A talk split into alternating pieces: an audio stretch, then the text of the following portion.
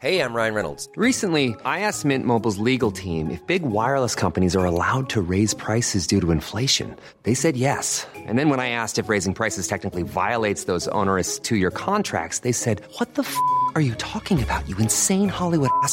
F- So to recap, we're cutting the price of Mint Unlimited from $30 a month to just $15 a month. Give it a try at mintmobile.com slash switch. $45 upfront for three months plus taxes and fees. Promo rate for new customers for limited time. Unlimited more than 40 gigabytes per month. Slows. Full terms at mintmobile.com. Hiring for your small business? If you're not looking for professionals on LinkedIn, you're looking in the wrong place. That's like looking for your car keys in a fish tank.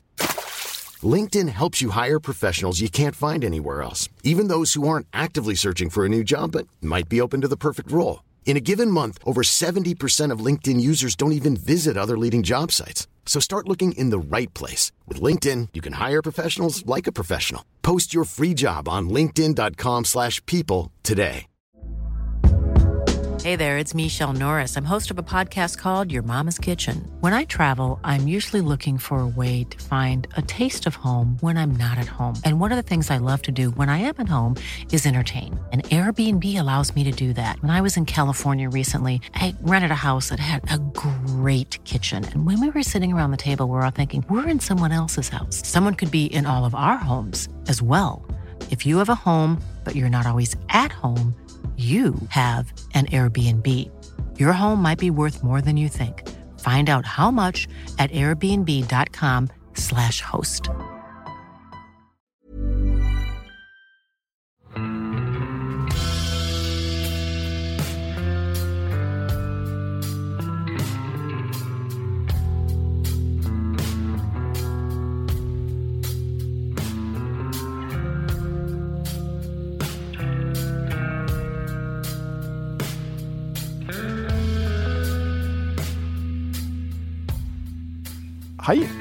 Velkommen til podkasten Uteliv. Mitt navn er Randulf Valle, og i dag skal vi snakke om en fremmed art i norske vassdrag, nemlig pukkellaks. Og til å opplyse oss om skapningen med det latinske navnet oncorhyncus garbusca, har jeg fått med meg lakseforsker Eva B. Torstad fra Norsk institutt for naturforskning. Velkommen! Jo, takk for det. Mm, og takk for sist. Eh, Vi hadde jo en episode for eh, det må jo bli et par år siden om eh, laksens livssyklus, som det jo går an å sjekke ut om du er ny i den podkasten her. Pukkellaks er jo en art som ikke hører naturlig hjemme i norske elver. Men som har vært et mer eller mindre fast innslag spesielt i elvene i Øst-Finnmark siden 1960-tallet. Men i det siste så har bestanden vist tegn på å øke kraftig, og både i 2017 og 2019 så opplevde vi noe som eh, kan karakteriseres som en slags pukkellaksinvasjon. Og siden pukkellaksen nesten utelukkende kommer til norske elver i oddetallsår, så tyder mye på at 2021 kan bli en ny sesong med kraftig innsig av denne arten. Eh, og da er det jo mange spørsmål som oppstår, og vi skal gjennom litt av hvert i dag. Men det jeg da har tenkt at vi i hvert fall skal prøve å eh, finne ut litt av, er jo rett og slett hva pukkellaks er. Hvor den egentlig hører hjemme. Hvordan i all verden den har kommet til Norge. Hvorfor er den her bare annethvert år? Og hva slags effekt har den på livet i de norske elvene hvor den opptrer. Ok, så da tenker jeg at vi kanskje begynner med biologien til den laksen, eller til den arten her, eh, Eva. Eh, Det latinske navnet, altså Oncorhynchus garbusca, eh, det er ganske langt unna Salmo salar og Salmo trutta, som da er den laksen og ørreten vi har her. Det tyder vel òg på at det her tilhører liksom en annen grein på artstreet? Ja, det her er jo en av de laksene som lever i Stillehavet. Eh, og så den har sitt naturlige område, leveområde der. Eh, I et stort område rundt Stillehavet, både på vest- og østsida. Eh, fra ganske langt sør til ganske langt nord.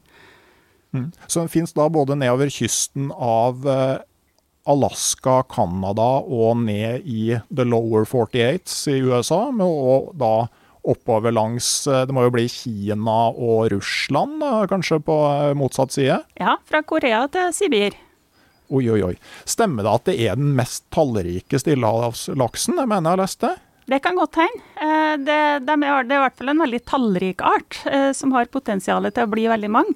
Men nå driver de jo med store utsettinger av en del stillehavslaksarter, eh, inkludert pukkellaks. Så det påvirker jo hvor mye det finnes av disse artene i Stillehavet. Mm. Men den pukkellaksen, altså noe som virker litt snodig eh, her i Norge, er jo det at den opptrer bare i oddetallsår. Eller ikke bare, da, men det er enormt mye mer av pukkellaksen i norske elver i oddetallsår enn i partallsår. Og det har å gjøre med at den har en veldig sånn eh, strikt toårig livssyklus, ikke sant? Ja, de har det. Så de som gytes i år, eh, eggene som legges i år, de vil eh, komme tilbake som gytefisk om to år. Og de igjen vil komme tilbake om fire år, så det er en helt sånn streng toårig livssyklus de har. Så da har vi to linjer. Da har vi oddetallsbestander eller partallsbestander eh, av pukkellaks.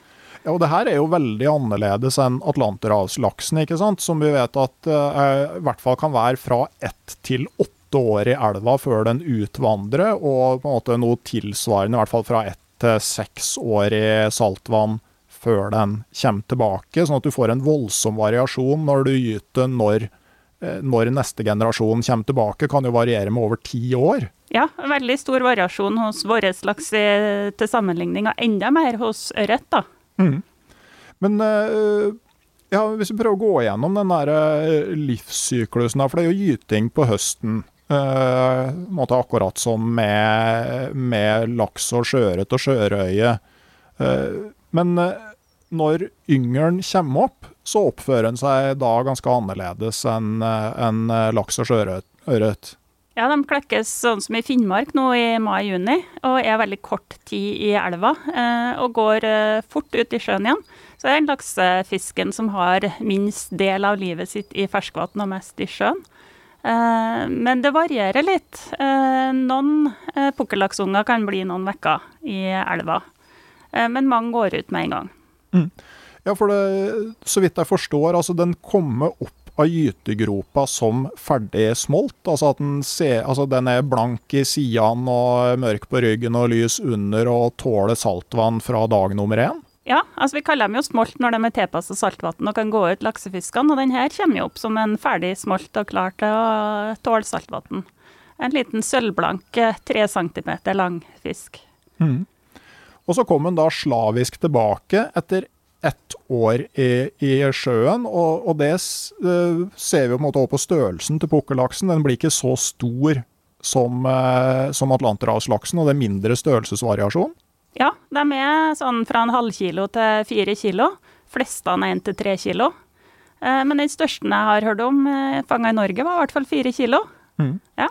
Ja, for det, det, blir jo liksom det samme størrelsesintervallet som du ser på det vi kaller ensjøvinterlaks. ikke sant? Altså For når man registrerer fangst eh, i lakseelvene og deler det i smålaks fra 1 til 3 kilo, mellomlaks fra 3 til 7 og storlaks over 7, så er jo det på en måte et resultat av at eh, laks som har vært én vinter i sjøen, er stort sett mellom 1 og 3 kilo. Så det er liksom en, du, du sorterer dem på, på, årsklasser på et vis, da. Ja, stemmer godt det. Ja. ja. Men det, her er alle sammen da ensjøvinter. Men de får òg enda større endringer enn laksen i utseendet sitt når de kommer tilbake. Altså Kan du gå gjennom litt hvordan en pukkellaks ser ut på forskjellige stadier? De ser ut aller mest med sjørøye tidlig i sesongen når de kommer mot norskekysten. Og de første som kommer opp i elven, har veldig små skjell, sølvblanke fisker. Jeg ser jo at det er en laksefisk, for den har den fettfinna, altså den lille uh, lappen mellom ryggfinna og halefinna som laksefiskene har.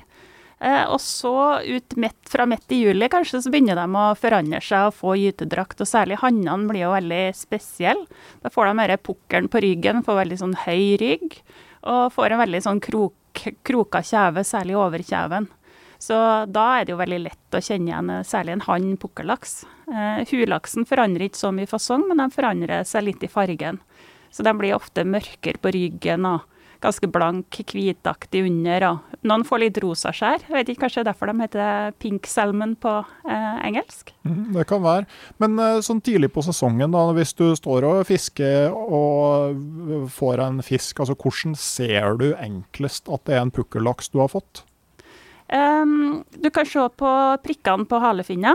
Uh, ørret kan jo ha svarte prikker på halefinna, men de, på pukkellaks er de ganske store, litt avlang, og så har de ei svart tunge. Så åpne munn og se, se inni der. Uh, Våre laksefisker har ei lys tunge. Uh, hmm. Så se i munnen, det er det sikreste artsbestemmelsen når du har fisken i hånda? Ja, hvis du er i tvil, så kan det være det. Mm. Men Åssen er det liksom eh, de der partalls- og oddetallsbestandene altså, Er det måte, genetiske forskjeller på dem? Altså Sånn at uh, partalls- og oddetallsbestandene i samme elv er forskjellige? Ja, de blir jo det, fordi at de er jo helt adskilt. De møtes jo aldri og gyter i lag, så de blir genetisk forskjellige. To helt sånn adskilte linjer. Nå har vi begge to i Norge, så vi har enkelte som blir tatt i partallsår òg. Så det var noen som ble rapportert fanga i fjor, f.eks. Mm. Så vi, vi, har begge delene, men eh, aller mest da i, i oddetallsårene. Mm. Men uh, jeg tenker òg på uh, når Altså sånn med gyting og med arealbruk i elva. er det riktig at pukkellaksen stort sett bruker de områdene som er nærme sjøen? Ja, i hvert fall i store vassdrag rundt Stillehavet, så kan du si det. Men de bruker jo de nederste fem milene av vassdragene, og det er jo ganske langt opp i våre vassdrag. Eh, og det har jo vært pukkellaks langt opp i Tanavassdraget f.eks. 25 mil. Hvis det ikke er noen store vandringshinder, så kan de jo gå langt opp i våre vassdrag òg. Det har vært i Grong, i Namsenvassdraget osv. Men aller mest nederst i vassdragene, det stemmer. Mm. Ja, for de kan gyte i brakkvann? Jeg har hørt det, men ikke sett det. Nei. OK. Eh, men, eh, men åssen er pukkellaksens evne til å ta seg forbi fosser og sånn sammenligna med atlanterhavslaksen? Den er nok litt dårligere, så de kommer seg jo godt opp. Altså Laksefisk er jo god til å svømme motstrøms, men de er litt dårligere i tøffe fossefall enn de beste laksene vi har. Hmm. OK. Ja. Eh, men jeg har òg lest at det er en slags forskjell i lynne, at pukkellaksen framstår som mer aggressiv? Ja, det er mye meldinger om det. At de virker ganske aggressive eh, og mot andre fisker. Eh, så det stemmer nok. Mm.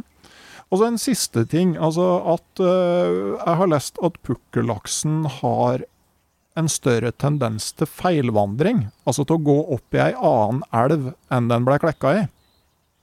Ja, vi så jo det i 2017. Eh, når de spredde seg over hele Nord-Europa plutselig, eh, så kan de gå langt unna elva si. Men samtidig, alle laksefisker går tilbake eh, noenlunde til området der de kommer ifra.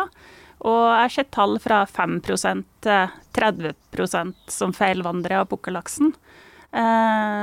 Så det varierer nok litt. Men... Hva, er, hva, er, tilsvarende for atlanterhavslaksen? Hvor mye regner man fra gjennomsnittlig elv? Hvor mange feilvandrere? Det vil være 4-5-6% som gyter i feil elv ja. eh, hos vår laks. Mm. Så det, ja. Så Pukkellaks kan gjøre det like bra, men de kan òg i en del tilfeller ha større spredning. Og det har vi jo sett siden de har spredd seg til våre områder. da. Mm. Ja, og, no, og, noen ganger så kan de liksom eh, vandre veldig langt ut av elva de ble klekka i. For det ble jo fanga pukkellaks i elver som renner ut i Oslofjorden. De Sandvikselva eller noe sånt som det ble fanga pukkellaks i i fjor. Ja, ikke bare det. Altså, det har vært pukkellaks på vestkysten i Sverige, det har vært i Danmark, i Tyskland, i Frankrike, Irland, Storbritannia, eh, rundt Grønland. Den lengste var jo på Newfoundland eh, i Canada. Så den hadde jo sannsynligvis kryssa hele Atlanterhavet. Mm. Men eh, vet vi noe om uh, hvilke havområder pukkellaksen normalt bruker? Eh, I pukkellaksen som er i Russland og Norskeelva, den bruker nok Barentshavet. Og nordlige deler av Norskehavet, tenker jeg. Vi vet jo ganske lite om det. Men det er der vi har observasjoner fra, og det jo der vår laks er. Så det er naturlig at de er med i de nordlige havområdene. Rundt Svalbard er det jo ganske mye fangst av pukkellaks òg. Mm. Men det var her Det måtte være juletider, eller om det var, det var i hvert fall i vinter, jeg fikk en uh, melding av en kompis som uh, bor i Kjøllefjord. Eh, hei, eh, Vebjørn, eh, hvis du hører på. Han er både yrkesfisker og laksefisker, og sendte meg noen bilder av fisk de hadde fått i snurrevad på omtrent 50 meters dyp. Som skjønte ikke hva det var, lurte på om det kunne være sjørøye, men det var jo veldig snodig at den var ute i sjøen om vinteren. Og det viste seg vel da å være pukkellaks. Ja, det var en del observasjoner av pukkellaks i mager på torsk og sei eh, øst for Nordkapp eh, i vinter. Og pukkellaks, eh, når de går ut i sjøen, så kan de jo være nært elven eller i fjordene i noen få måneder før de går ut i havet. Da kan jo godt hende noen av dem bruker ressursene i ganske nære havområder òg. Det vet vi jo ganske lite om, men det er jo gjort observasjoner, som du sier, av det. Ja, når, når jeg tenker meg om, så var det vel, eh, var det vel funnet i mageinnhold, det Ja, her mm. det, Så, så det er jo tydelig at eh, de er der ute. Og eh, da sannsynligvis kommer tilbake nå til sommeren. Men eh, som du sier, altså, det er jo en art som hører hjemme i Stillehavet. Eh, og hvordan i all verden har den havna i eh, Norge? Den er satt ut i Russland nordvest, eh, i elver rundt Kvitsjøen, eh, fra 1950-tallet. Eh, Der ble den satt ut å, med tanke på at det skulle være en fiskeressurs, en ekstra ressurs, med tanke på at det var en ledig nisje der for pukkellaks. Og den har etablert seg da etter hvert og spredd seg til norske elver. Vet du noe mer om på vurderinga som ble gjort? Når du sier at, liksom, at det er en ledig nisje, er det bl.a. det der at man så at den ikke Altså fordi den vandrer så fort ut av elva, så antok man at den ikke ville være en konkurrent til laksesmolten? Jeg regner med det var det som var tanken. Og at liksom næringsgrunnlaget i sjøen ville være stort nok til begge arter? Jeg vil, vil tro det. Det var litt før min tid. Ja. Det, det er jo en måte litt sånn tankegods som, eh, som vel i stor grad eh, hører til på historiens eh, skraphaug, det der. For da, man har vel i stor grad lært at når man gjør sånne flyttinger, så skjer det alltid mer enn det man trodde skulle skje. Ja, det er i beste fall uh, ingen effekt av sånne Altså når du har arter som sprer seg, det er en del som ikke har noen effekt eller ikke klarer seg, men uh, dem som klarer seg, så er det jo veldig ofte uforutsigbare og nye eh, effekter på, på natur fra før. Ja. Vi var jo på New Zealand et halvår for noen år siden, og der var det jo eh, sånn godt eksempel der var det der possum, det er pungdyret som ble satt ut der, og som eksploderte i antall. Eh, og så vidt jeg husker, så satte de ut noe sånn røyskattlignende for å ta dem. Altså sånn introdusere en ny art for å fjerne den problemarten. Men de dem syns jo det var mye enklere å jakte på alle de fuglene på New Zealand som ikke kan fly. For det er veldig mange fugler på New Zealand hvor evolusjonen har fjerna flygeevnen fordi at det ikke har vært rovdyr der. Eh, Sånn at i stedet for da å løse et problem, så har du skapt deg to. ja, det er veldig ofte sånne ting som skjer, og veldig ofte uforutsigbart det som skjer òg. Ja.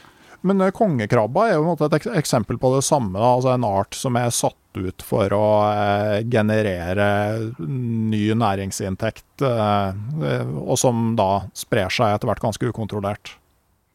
Ja, eh, det, kongekrabbe er ikke mitt område, så, men det, det stemmer jo. ja. Ok, men eh, det man gjorde, var at man flytta befrukta egg, så vidt jeg har lest, fra eh, Stillehavet til, til Kvitsjøen. Og allerede fra på 60-tallet så ble det gjort observasjoner i norske elver, og ganske mye utover 70-tallet. Jeg leste om sånne årsfangster i Tana på flere tonn enkelte år på 70-tallet. Ja, det var det. Var ganske vanlig. Så de tok jo egg fra Sakhalinøya eh, på stillehavssida i Russland og flytta. Eh, de hadde ikke så veldig stor suksess de to første årene, for da bare setter de ut dem når de har brukt opp eh, matpakken sin, altså plommesekken sin. Men så begynte de å fôre dem litt i klekkeri og sette dem ut, og da eh, fikk de gode tilslag. Og da ble de jo fanga langs norskekysten òg, allerede fra 1960, og det var vanlig å få dem. Men dette var en bestand som ikke klarte seg i de russiske og norske elvene i noe særlig grad. sånn at eh, når de slutta med utsettingene av denne stammen på 70-tallet, så kom jo pukkellaksen bort igjen. Ja, og, og grunnen til at den ikke klarte seg, den er litt interessant. Ja, vi vet jo ikke helt, men det, det er ga- ganske langt sør fra bestanden her, så det er jo grunn til å tro at de ikke var så godt tilpassa klima og natur i nord. Så russiske forskere har jo lurt på om det var for kaldt i elven eh, for tidlig under eggutviklinga, eller at de hadde problemer med at de klekka på flere feil tidspunkt. Eh, så de var nok dårlig tilpassa eh, nordlig og kjølig klima. Ja, for som du sier, at altså, de hadde et liksom, Når laksen gyter, altså det er jo eh, noe som på en måte er evolusjonært eh, kommer fram. Altså, det er jo bare de Laksen må gyte på et tidspunkt som passer med når uh, yngelen skal svømme opp uh, neste sesong, og som passer med forholdene antagelig da tidlig i eggutviklinga. Og så er det noen triggere i elva som vi kanskje ikke vet helt hva er, men som kan være temperatur og daglengde og sånne ting, som gjør at de, at nå, de vet at nå er det på tide å gyte. Og så flytter du den ganske langt nord, og så er ikke de triggerne på en måte riktige for å få fram avkom lenger. Riktig, og det kan jo være, det er jo det vi tror nå, at de kanskje, den bestanden av pukkellaks vi har nå, gyter for tidlig i Sør-Norge f.eks. Sånn at det var det jo observasjoner av smolt allerede rundt juletida. Eh, men så kan det jo skje en tilpasning, da. Så når du har så store mengder pukkellaks, og du har variasjon i gytetida som du har, så kan du jo plutselig få en tilpasning til nye områder. Ja, for, for jeg så at eh, altså, eggutviklinga er på en måte temperaturavhengig. Sånn at uh, den uh, går fortere når temperaturen er høy enn når temperaturen er lav. Og uh, når pukkellaksen Den gyter relativt tidlig i forhold til, til, til norsk laks, gjør den ikke det? Jo, den gyter slutten på august, starten på september. Ja, og det var liksom bare noen få uker forskjell i tidspunkt kunne avgjøre om da yngel- yngelen kom ut til jul, eller da på, på neste vår. Ja, Eh, Sånn at det er ganske sånn eh, kilen eh, balanse der. det er det. Jeg har jo fiska laks i nord i ganske mange år, i både oddetall og partallår, og pukkellaks har jo på en måte vært et litt sånn eksotisk innslag i hverdagen i noen få elver. Hva var det som gjorde at det plutselig blei så mye i 2017 og 2019? Vet vi noe om det? Ja, Godt spørsmål. Men altså, Man slutta med utsettinga av denne bestanden på 70-tallet. Men så starta de utsettinga igjen på 80-tallet med en ny bestand som de tok lenger nordfra. eh, På stillehavssida i Russland. Eh, Og det var nok en bestand som var mye bedre tilpassa klimaet i nord. Så det er jo den bestanden som har etablert seg i elven nå. Så de slutta med utsettingene rundt 2000, altså for 20 år siden. Så den pukkellaksen vi har hatt etter det, har jo blitt produsert naturlig i russiske og kanskje norske eh, elver i Øst-Finnmark. Eh, og det kan jo ta litt tid før eh, nye arter å etablere seg. Så det er kanskje det som har skjedd, at de plutselig kom opp på et nivå hvor eh, de eh, har befesta seg godt. Og så har vi i tillegg en klimaeffekt. Sånn at eh, havet i nord har jo blitt vanvittig mye varmere de siste 20 årene. Eh, og vi ser at i varme år så har vi hatt mer pukkellaks enn i kalde år. Så de har sannsynligvis hatt eh, godt, godt av skal jeg til å si, et varmere eh, havklima. Ja. Ok, ja. Nei, og som sagt da, så har jo eh, arten også spredd seg sånn veldig langt utafor det opprinnelige området og kommet ja, over hele Norge og eh, over eh, Nord-Europa. De hadde jo det, og de, de må jo ha hatt veldig gode forhold både i elva som smolt og tidlig i sjøen og hele sjøoppholdet. Eh, de som kom tilbake i 2017. Så det blir jo egentlig litt det motsatte av eh, den norske liksom, atlanterhavslaksen, som, eh, hvor man observerer lavere sjøretur, og har hatt noen år nå med veldig dårlig retur. Da, sånn at altså, det kan være at en sånn eh, klimaeffekt eh, liksom gjør det enklere for pukkellaksen, men vanskeligere for atlanterhavslaksen. Ja, i verste fall. Men eh, um, sånn i utgangspunktet så, så er man jo ikke spesielt glad for nye introduserte arter, og, og pukkellaksen er på den svartelista over arter som vi egentlig ikke ønsker i norsk natur. Men det er jo ikke så lett å få den bort hvis Russland ikke er interessert i det. Nei, det vil bestandig komme ny, spre seg ny pukkellaks til Norge, eh, så lenge det er pukkellaks i Russland. Men samtidig så vil jo det være en liten mengde.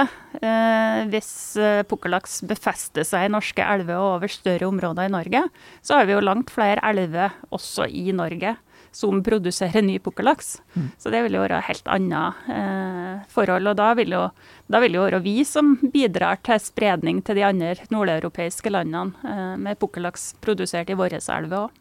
Ja, så, sånn som nå, man ønsker å øh, minimere produksjonen av pukkellaks i, i, norske elver. altså Både av hensyn til de elvene som har mye pukkellaks øh, i utgangspunktet, men også for å unngå videre spredning vestover. Ja, det tror jeg nok forvaltningen ville ha svart ja på. Mm. Ja, øh, Men hva For det, da kommer spørsmålet altså hva slags effekter har eh, pukkellaksen på det livet som allerede er i, i elva? Altså F.eks. Eh, altså sånn, det at den er aggressiv. altså kan, det, kan, man se for seg kamp om gyteplasser mellom pukkellaks og atlanterhavslaks? Ja, Det er vanskelig å votte de negative effektene, for eh, de har jo vært her i kort tid, og det finnes lite kunnskap om det. Eh, men eh, de kan opptre veldig store mengder, og det har vi allerede sett i 2017 og 2019. At det kan komme liksom 1000 og 2000 pukkellaks opp i veldig små elver. Så effektene vil jo være en, et resultat av hvor mange som kommer. Kommer det noen få pukkellaks her og der, så er det ikke sikkert det er en stor påvirkning. Men når du begynner å få noen tusen i store stimer med pukkellaks som kommer til elven, så er det grunn til å tenke at det kan skje negative effekter. Ja, for det er jo spesielt en eh, elv som heter Vesterelva, som er innerst i Varangerfjorden. Som er, det er omtrent som en bekk. Hvor man da har liksom eh, firsifra antall eh, pukkellaks som går opp der, antagelig mye mer enn eh, den stedegne laksebestanden. Ja, og det er jo flere elver i øst for Tana i Øst-Finnmark som dette det her har skjedd. Mm. Men øh, hvis vi prøver å se litt på sånn, hva som kan være, da. Altså, noen snakker om altså, det kanskje kan være aggressiv atferd mot øh, atlanterhavslaksen. Altså, hva slags effekter kan det få? Altså, de gyter jo ikke samtidig, de gyter jo litt tidligere. Eh, kanskje de seneste pukkellaksene gyter samtidig, eller begynner å nærme seg de tidligste sjørøyene og sjøørretene, men det er ikke så veldig mye overlapp i gytetida. Men de er jo i elva samtidig i sesongen. De kommer jo opp i juli-august, så kan jo, man kan jo tenke seg at de fortrenger eh, vår laksefisk fra de plassene de liker å stå. Jeg sett, Har du sett sånn ørekydbekker eh, hvor, hvor, det er fullt av ørekyt? Mm. Eh, så har jeg sett sånne stakkars små ørreter som er mye større enn den ørekyta, men som prøver å liksom finne seg en plass. Og Det er jo ikke at ørekyta er aggressiv mot dem, eller noe sånt heller, men de, de, bare har ingen plass å være. Så jeg ser for meg at det er litt sånn det er å være eh, atlantisk laks oppi det her òg. Så, ja. så, bare det at de kommer i så store stimer, og hvis de i tillegg er litt aggressive, så kan det jo påvirke ja, stressnivå og hvor, hvor våre laksefisker skal være hen. Men igjen spørsmål om mengde. Ja, Nei, for jeg så at altså, Det er ikke uvanlig at du finner gytegrop fra sjøørret oppå gytegropa til en pukkellaks? Ja, det kan du ha. Mm. De gyter jo litt i samme områdene. Mm. Det er i hvert fall bra det er den veien, da. Ja, det er bra. Ja. Og de kan jo ikke krysse med hverandre heller. Eh, og det er jo bra. Vi får ikke noen krysninger mellom de her artene her. Nei. Nei. Det er jo veldig nyttig å, å ta med seg. Og så er det jo altså i hvor stor grad spiser de av samme matfat, altså både i elv og i eh, sjø? Ja, eh, De er jo veldig kort tid i elva. Sånn at eh, mange pukkellaksunger går nok kanskje ut uten å ete i det hele tatt. Og det her vet vi litt lite om. Men det er jo russiske undersøkelser rundt Kvitsjøen som viser at enkelte pukkellaksunger, kanskje særlig de fra høyt oppe i vassdragene, de blir noen vekker i elva og spiser.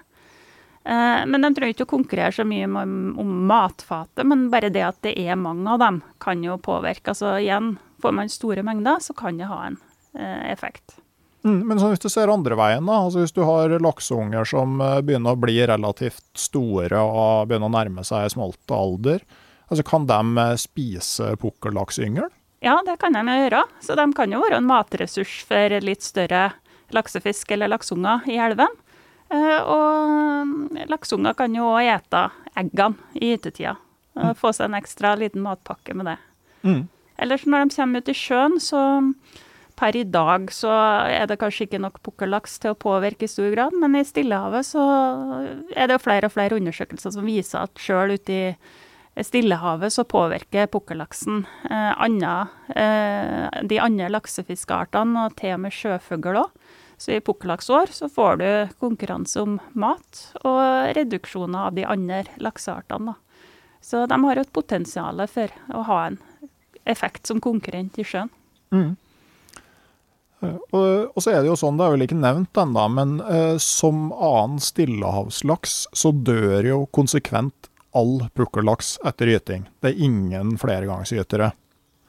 Men, men det betyr òg at det blir en voldsom mengde med død fisk i elvene etter gyting. Altså Du ser på den vesle Vesterelva kanskje har 1000 eller 2000 eh, fisk som eh, blir liggende der. Altså Hva slags effekter gir det? Man kan jo se for seg at det òg både er positivt og negativt. da.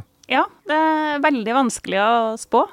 Ja, det. Eh, siden de har mesteparten av veksten sin i sjøen, så er jo hele pukkellaksen som kommer opp, er jo næring som kommer fra sjøen og opp i elven og tilfører elven næring, særlig fosfor og nitrogen når de dør der og brytes ned. Og vi har jo en del næringsfattige elver i Norge som kanskje begrenser eh, produksjon av eh, laksefisk, f.eks. Eh, så da, det kan jo, være, kan jo øke produksjonen og få tilført næring. Men det spørs jo på mengde igjen, og det spørs på hvordan elva er, hvordan tilstanden er fra før. Så du kan jo få for mye næringsstoffer, få overgjødsling. Så det er veldig uforutsigbart med økosystemeffektene ja. av den energitilførselen. Men jeg tenker jo sånn veldig mange sånn Finnmarkselver er vel sånn relativt næringsfattige miljøer miljø med kort vekstsesong og eh, sånn. At eh, det er jo interessant at du tilfører så mye biomasse til, til et økosystem. Ja, det påvirker jo økosystemene i Stillehavet i veldig stor grad. og det, jo, det påvirker jo landdyr òg. Det er jo småpredatorer, smårovdyr som et av døende og døde pukkellaks òg, så det kan jo påvirke eh, økosystemene på land også. Så ja, for det er jo liksom ikke sant det med at kan eh, stadig Altså kan man se liksom at det blir eh, en økt bestand av eh, laksepredatorer pga. pukkellaksen, og at det i de årene hvor det ikke er pukkellaks, vil gi økt predasjon på uh, atlanterhavslaksen? Altså, ja, det er vanskelig å si. Det, det, det, blir, det, er veldig vanskelig å spå effekten av noe sånt. Det kan ha store påvirkninger, men veldig Ja, det kan gå i mange, mange ulike retninger, og, og effektene på de laksefiskene vi har. da det kan jo, være, det kan jo slå både positivt og negativt ut uh, på dem òg. Uh, eh, altså, positivt og negativt er jo litt lada uh, uttrykk, så det kommer jo an på hva du, hvilket utgangspunkt du har, da. Ja, nei, for, for, du vet jo at sant, Det er jo en viss predasjon på voksen laks òg, men at altså, det er jo ikke, Predasjon er jo ikke nødvendigvis en sånn lineær ting. Det er ikke en viss prosentandel av en returnerende bestand som blir tatt ut. Det er mer ofte et, et eksakt tall.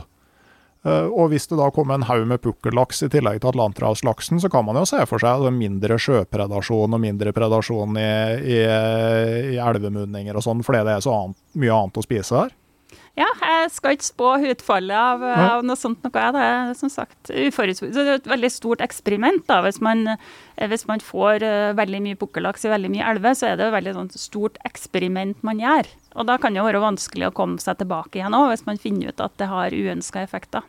Ja, Definitivt, og det er vel en sånn eh, grunn til at man i liten grad gjør sånt lenger, da, med å flytte på arter. fordi at altså, det er jo veldig sjeldent at eh, det har bare positive effekter overalt. altså Veldig ofte så skjer det noe som man ikke hadde eh, forutsett. Men jeg tenker at det er jo litt sånn interessant å se på sånn, hvilke retninger kan det her bikke. For det er jo det, det er jo som du sier, det er ikke sikkert at effekten er lik i alle elver. Nei, eh, det vil den sannsynligvis ikke være. Mm. Eh, det var veldig interessant. Eh, da de begynte å komme i 2017, så var jo forvaltninga ganske uforberedt på det, naturlig nok. Så da hadde jeg kontakt med veldig mye fiskere utover sommeren. Og fikk veldig mye informasjon. Og det som var veldig påfallende, eller tydelig, det var jo hvor negativ, negativt alle reagerte på å få pukkellaks opp i elven sin. Eh, så det var jo nesten unisont eh, negativ holdning til å få dem.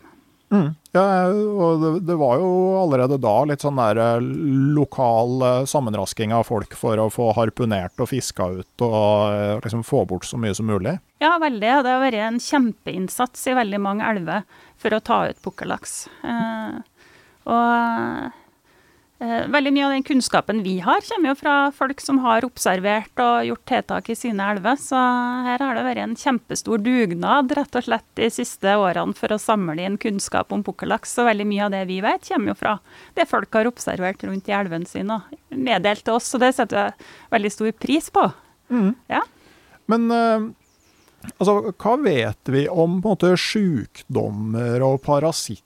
Smitter og sånn på pukkellaks? Altså, er det det samme som hos villaks? Er den utsatt for lus f.eks.? Har den sykdommer som kan spre seg enten til villaks eller til oppdrettslaks, for den saks skyld?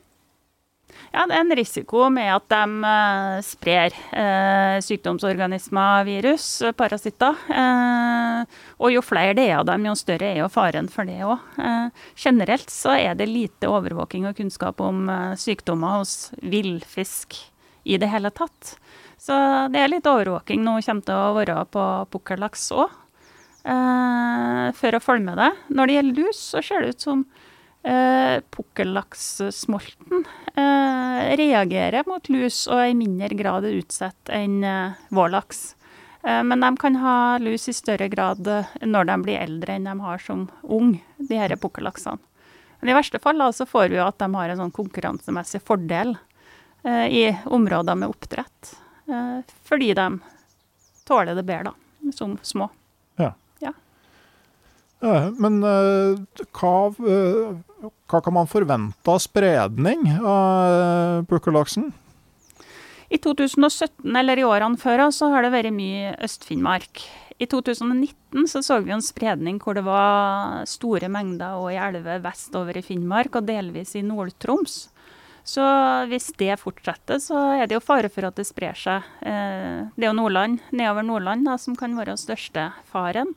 Eh, vi har jo sett dem over hele landet i mindre mengder. Eh, og da spørs det jo hvor godt tilpassa de er da, eh, til de litt mer sørlige temperaturene. Eller om de klarer å tilpasse seg at de er i så store mengder. Mm. Ja, for det å klare å tilpasse seg til et nytt miljø, altså det skjer i større grad hvis du har en stor bestand. Altså ja. at du har større genetisk variasjon, og sjansen for at noen tilfeldigvis gyter på riktig tidspunkt, er større. Ja, og de har jo ganske stor variasjon i gytetida, så det er jo et potensial for at de tilpasser seg videre sørover. Men uh, vi får se. Mm. Men det tar oss litt over på tiltak, for man ønsker jo da ikke at det her skal skje. Man vil ikke ha spredning av pukkellaks. Og nå når vi da i dag eh, skriver slutten av april i 2021, eh, hva, hva slags tanker har man om sommeren? Eh, det som har vært, altså det her må jo egentlig forvaltningen svare på. Mm. Men eh, det som har vært i tilfellet, er at det har blitt gjort en stor innsats lokalt og i enkelte elver. Hvor folk ved elven har jobba i flere hundre timer for å kanskje ha feller eller annen måte å ta ut pukkellaks på. Så det har vært veldig avhengig av at det har vært et lokalt engasjement og initiativ for å få gjort noe.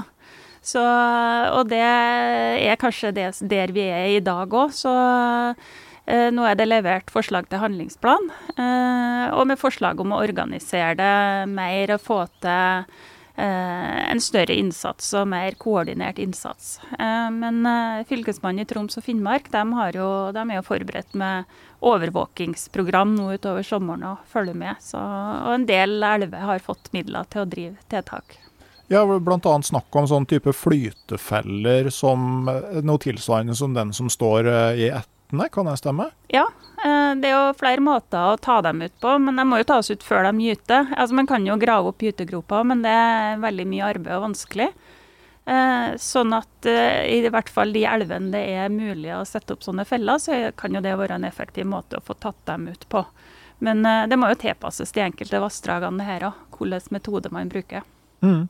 Ja, for jeg tenker jo altså, En ting er jo i de små elvene så er det jo gjennomførbart å sperre på et eller annet sted langt nede og ta ut pukkellaksen.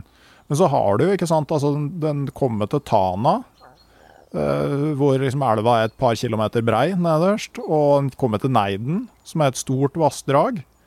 Altså, eh, hva slags muligheter har man for å begrense pukkellaksbestanden i sånn type elver? Nei, Det er jo en utfordring, og det er jo litt paralleller til å ta ut rømt oppdrettslaks fra elven.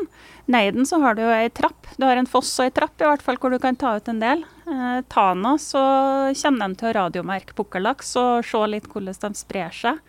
Eh, og det kan jo bruke droner og helikopter til å prøve å lokalisere dem og eh, ta dem ut med de metodene du kan. da. Mm. Hvordan er returtidspunktet til elva for pukkellaksen? Kommer den samtidig som villaksen? De kommer stort sett i juli-august. Mm. Førstene kommer i juni, men eh, hovedoppvandringa i juli-august. Det hadde jo vært mer sympatisk om de på en måte kom på et helt annet tidspunkt, sånn at uh, du enklere kunne tatt dem ut ikke sant, med drivgarn eller stengsel eller et eller annet sånt. Det, jo, altså det er jo alltid en fare for at du skader eh, de laksefiskartene som er der, mm. eh, når du prøver å ta dem ut. Mm.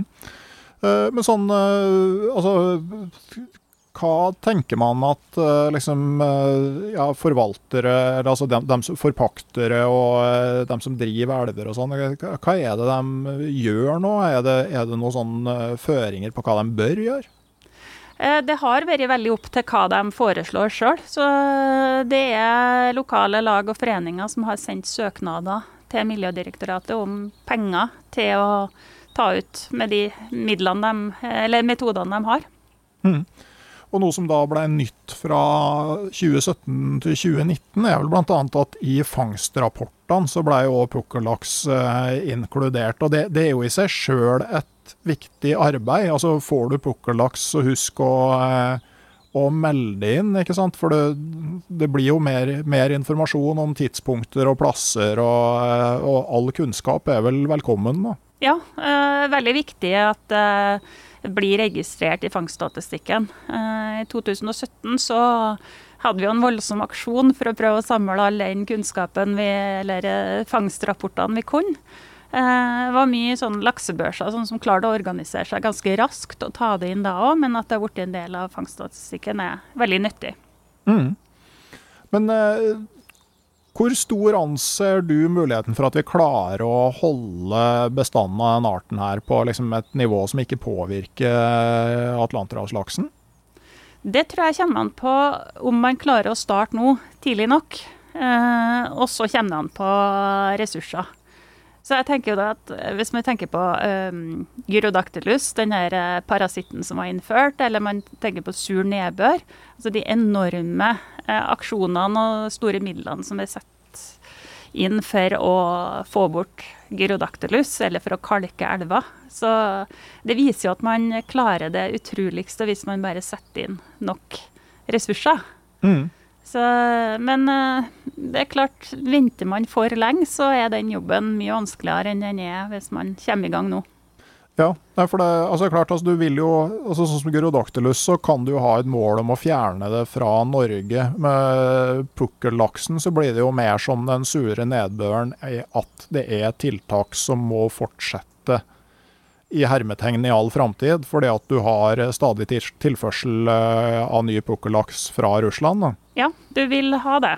Mm. Så lenge det ikke gjøres noe med, med, det i Russland, så vil du ha eh, tilførsel derifra. Mm. Men da, da, har du det mye lenger unna norskegrensa tross alt, enn om vi har produksjon i store deler av Nord-Norge sjøl. Ja, OK. Ja, Så det, det, er et håp, men uh, det er viktig at man uh, handler i uh, eh, 2021? Ja, det tror jeg. Man bør sette i gang raskt og ha nok midler til det. Mm.